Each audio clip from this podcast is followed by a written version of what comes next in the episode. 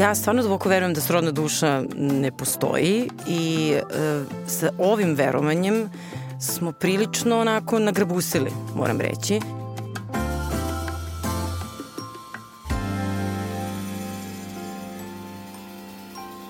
Upozorit ću odmah na početku one koji veruju u koncept srodne duše da u nastavku podcasta sledi uznemirujući sadržaj zato što ćemo srušiti mit o tome da neka kosmička sila povezuje dvoje ljudi.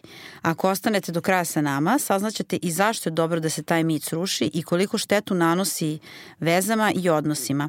I možda baš zbog toga što tražite srodnu dušu ne možete da nađete partnera ili imate problem u vezi. Dakle, tema ove epizode podcasta Kako da izgradite dobar život uh, je fenomen srodne duše i zašto treba da prestanete da čekate svoju srodnu dušu. Uh, naš podcast inače možete da slušate na svim platformama Spotify, Deezer, Podcast RS, Apple Podcast, na sajtu Velike priče ili na YouTube. Uh, sa mnom je sada ovde Mija Popić i odmah ću je pitati da li smo mi naseli na mit o srodnoj duši, da li postoji srodna duša? Definitivno smo naseli i nismo krivi mi, to je možda fair reći, nego čitava ova popularna romantična kultura koja nam je ovaj, to lepo servirala.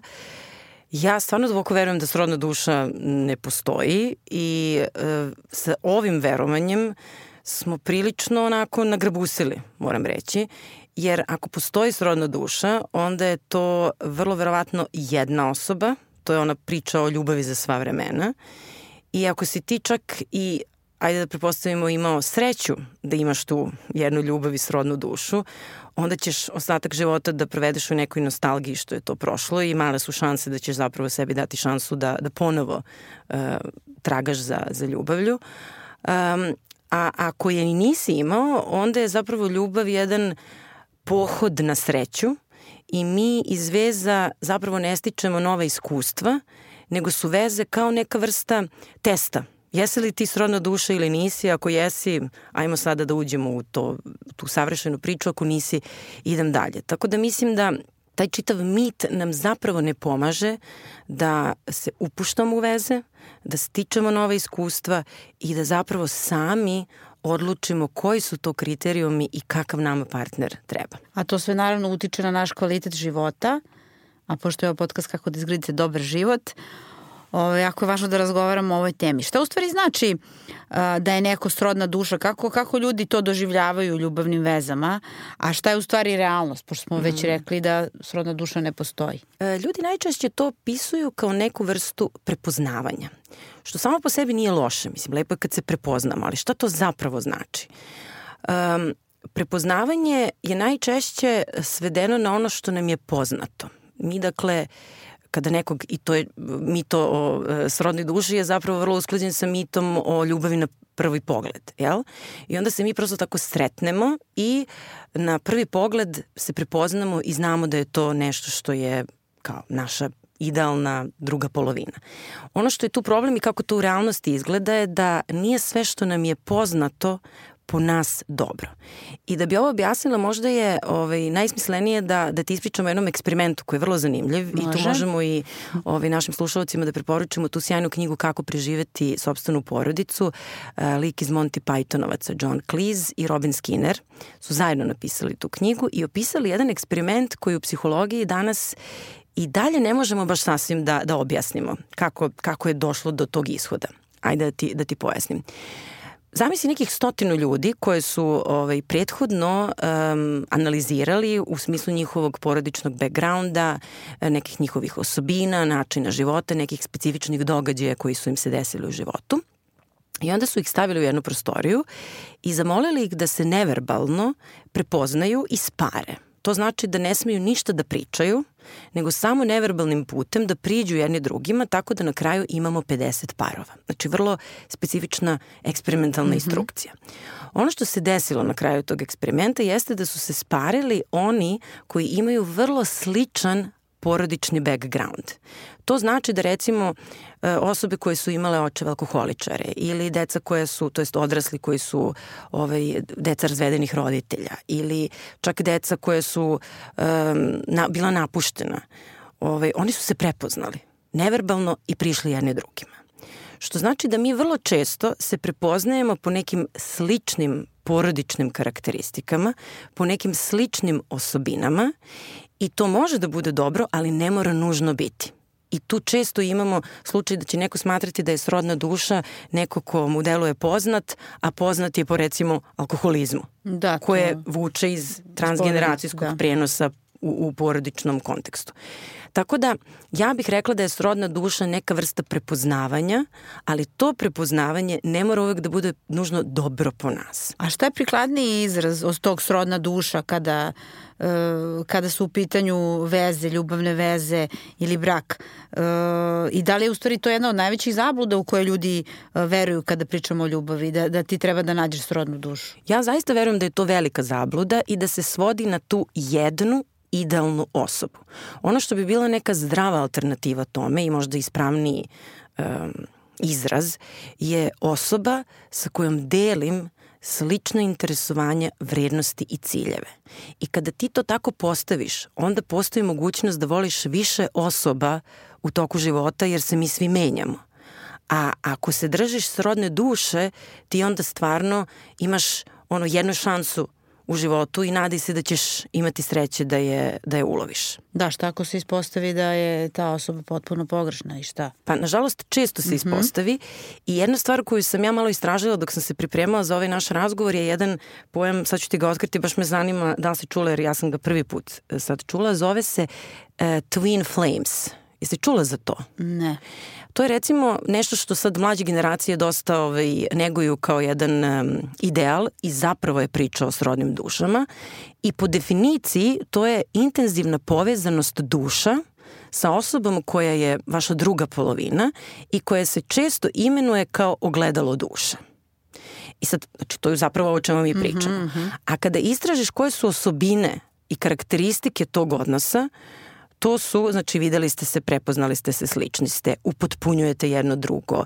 Vaše nesigurnosti postaju pojačane u tom odnosu, magnetski ste privučeni jedno drugom, veze su turbulentne, intenzivne, raskidaš pa se vraćaš. I sad, ja kad sam to istraživala, to je postavljeno kao neka super veza, a iz ugla kliničke psihologije to je zapravo borderline veza. Da. Problematična, toksična veza koje se sad postavlja kao neki standard. Ali pazi sad ovo istraživanje. Na pitanju jednoj anketi od pre nekoliko godina e, da li verujete u ideju o srodnoj duši, odnosno dvoje ljudi kojima je suđeno da budu zajedno, na ovo pitanje 74% muškaraca i 71% žena odgovorilo je da.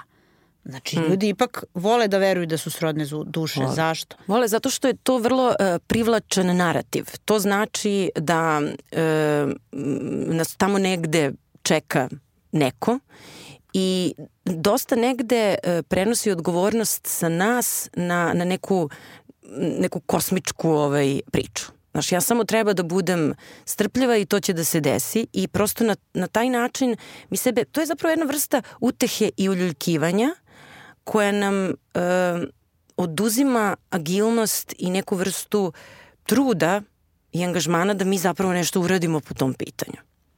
Tako da ja hoću da mhm. kažem da mislim da je lepo u to verovati, ali da suštinski nam to ne daje mnogo. Da. Koliko je priča o srodnoj duši zapravo priča o, o, o idealističkim romantičnim uverenjima koja nastaju pod uticajem popularne kulture i romantičnih filmova koliko samo pesama govori o tome, ono soul mm. mate ili kako već i mnoge studije su pokazale da popularna kultura i mediji imaju tendenciju da nerealno prikazuju ljubav i romansu. Mi čak i u mnogim bajkama imamo kraj koji se završava sa onim živjeli su srećno do kraja života i tako dalje. Studija iz 2016. recimo pokazala da je veća verovatnoća da će devojke tinejdžerke koje su nedavno gledale film koji prikazuje ljubavnu priču podržati idealistička romantična uverenja od onih koje su uh, gledale neromantični film. Mm. Da li je u stvari to srodna duša isto mit kao i ljubav na, na, na prvi pogled? Da. Ja duboko verujem da jeste i mislim da baš ovo što si navela i mnogo mi je zanimljivo to istraživanje, ono negde potvrđuje da mi zaista moramo da malo kritički sagledamo poruke kojima smo izloženi mm -hmm. i da shvatimo da mnogi izbori ili opredeljenja koje imamo nisu slobodni jer e, vera u srodnu dušu, mi smo indoktrinirani na to. I zapravo kad bi se samo zapitala nekako logično, racionalno da li ti ta ideja pomaže, mi bismo shvatili da nam ne pomaže. I filmovi, romantične komedije, e, ljubavne priče i ljubavni romani su čitav je, čitava jedna artiljerija koja nas negde onako ovaj, napada sa svih strana sa tim uverenjima koje nam zapravo nikako ne pomažu.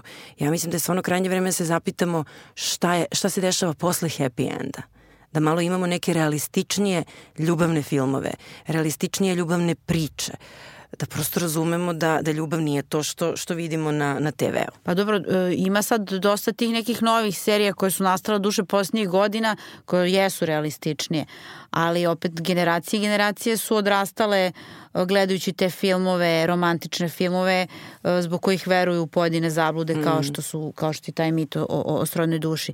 A koliko je opasno verovati u to da je neko tvoja srodna duša, da, da, da, da ste vi dve osobe koje su spojene nekim nevidljivim silama, a pogotovo kad dođe do nekih problema u vezi ili raskida, kako onda prihvatiš uh, da živiš sa, tima, sa tim uh, a, ako si bio uveren da, da je neko tvoja srodna duša i da ćete vi biti, ne znam, do kraja života zajedno. Da li je to u stvari recept za nesreću u vezi? Ti si malo pre i rekla e, da su to neki, da ako veruješ da ti neko srodna duša, ti na kraju, ti u stvari imaš izgovor da, za da. sve.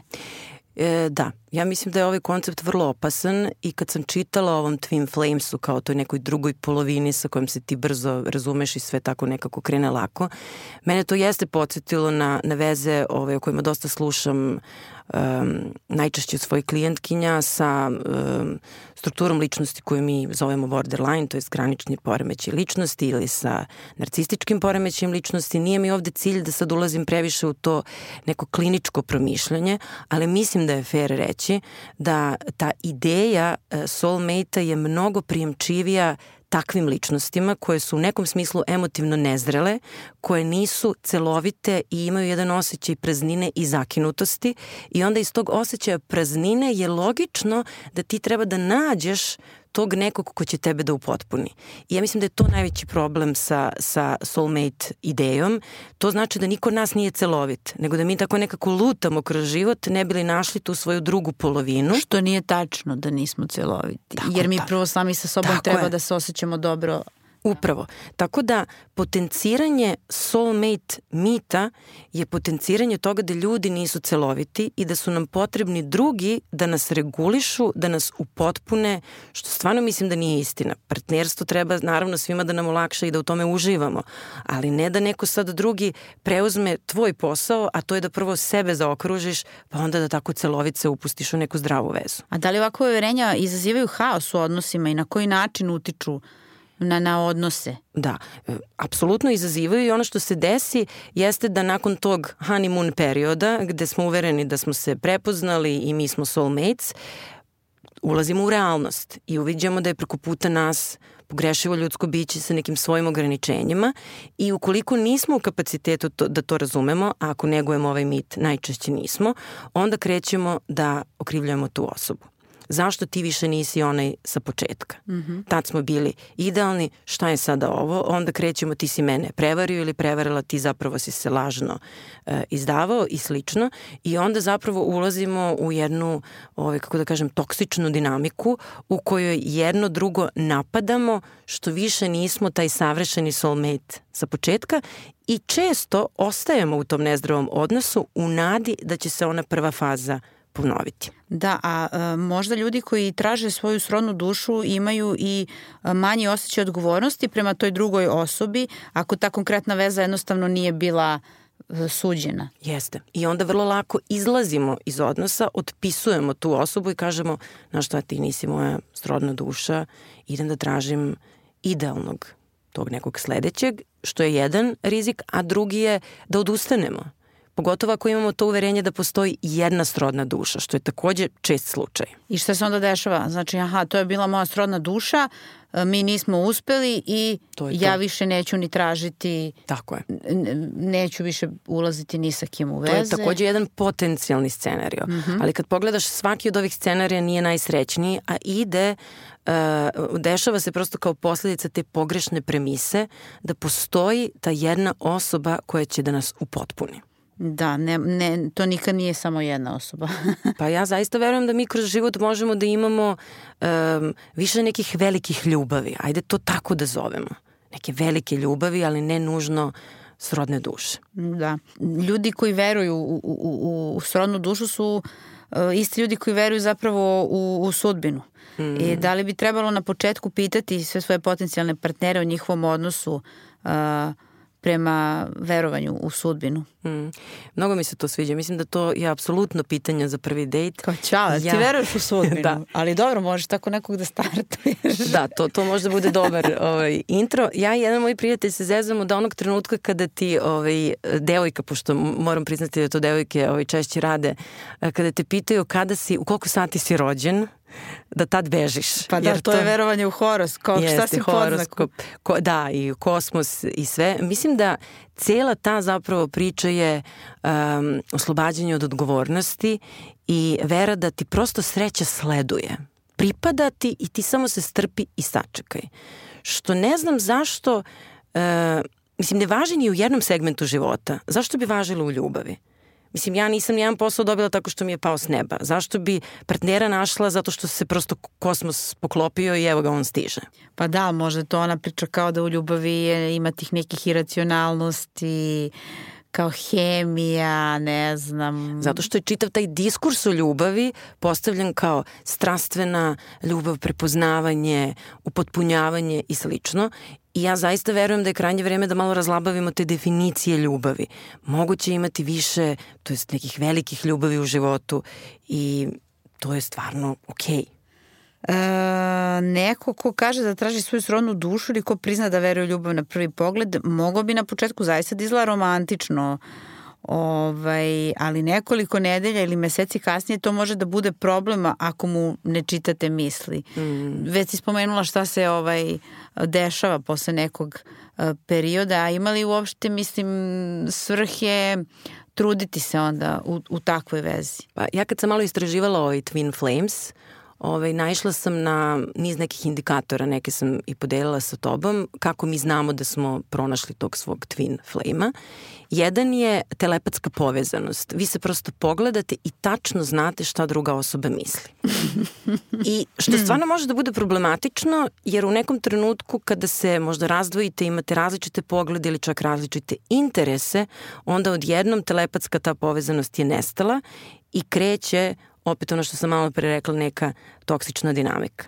Tako da, kako god okreneš, mislim da, da ovaj, da odnos koji počeva na premisi srodnih duša malo je verovatno da će dobro da se završi. Neko će tu na kraju biti mnogo ljut i mnogo povređen. Da, zapravo vezu je neophodno izbjegavati zapravo ovakve zamke, nastale pod različitim uticajima. Ne, neke, smo ve, neka, neke utice smo već spomenuli, kao što je popularna, popularna kultura i stari filmovi. Uh, kako izbeći te mitove u ljubavi?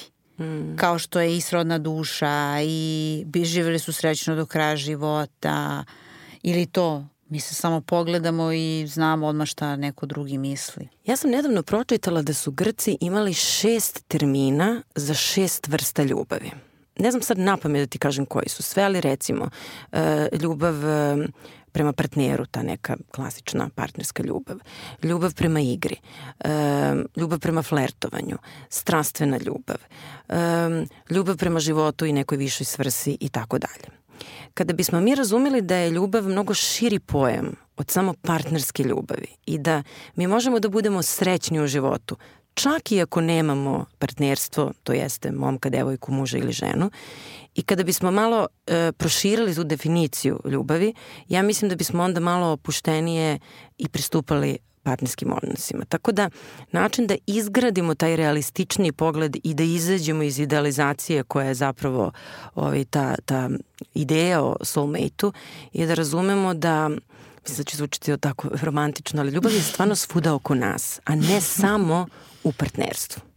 Dobro, evo za kraj ću te pitati zašto treba da prestanemo da čekamo svoju srodnu dušu umesto toga da tražimo neko ko je realističniji? Zato što prosto sve što čekaš uh, nema, nema garancije da će to doći. Uh, I onda je to uh, čekanje potvrda jedne bespomoćne pasivne pozicije e, i ne znam nikoga ko je dugo čekao, a da na kraju nije postao obeshrabren. E, drugim rečima, čekanjem mi ne povećavamo šanse da nam se nešto lepo desi. A ako e, se realističnije o tome nekako ovaj, realističnije tome pristupimo i ako se malo aktiviramo, povećavamo šanse. Pa da, ima ona neka izreka kao neće kosmos sve sam. Tako je, moraš nešto i ti. Da. A stvarno neće. Mislim, ja čak ne verujem stvarno da će kosmos Da će bilo šta bilo osim šta ako se da ti nisi da. iscimao. Da. Da, to je to.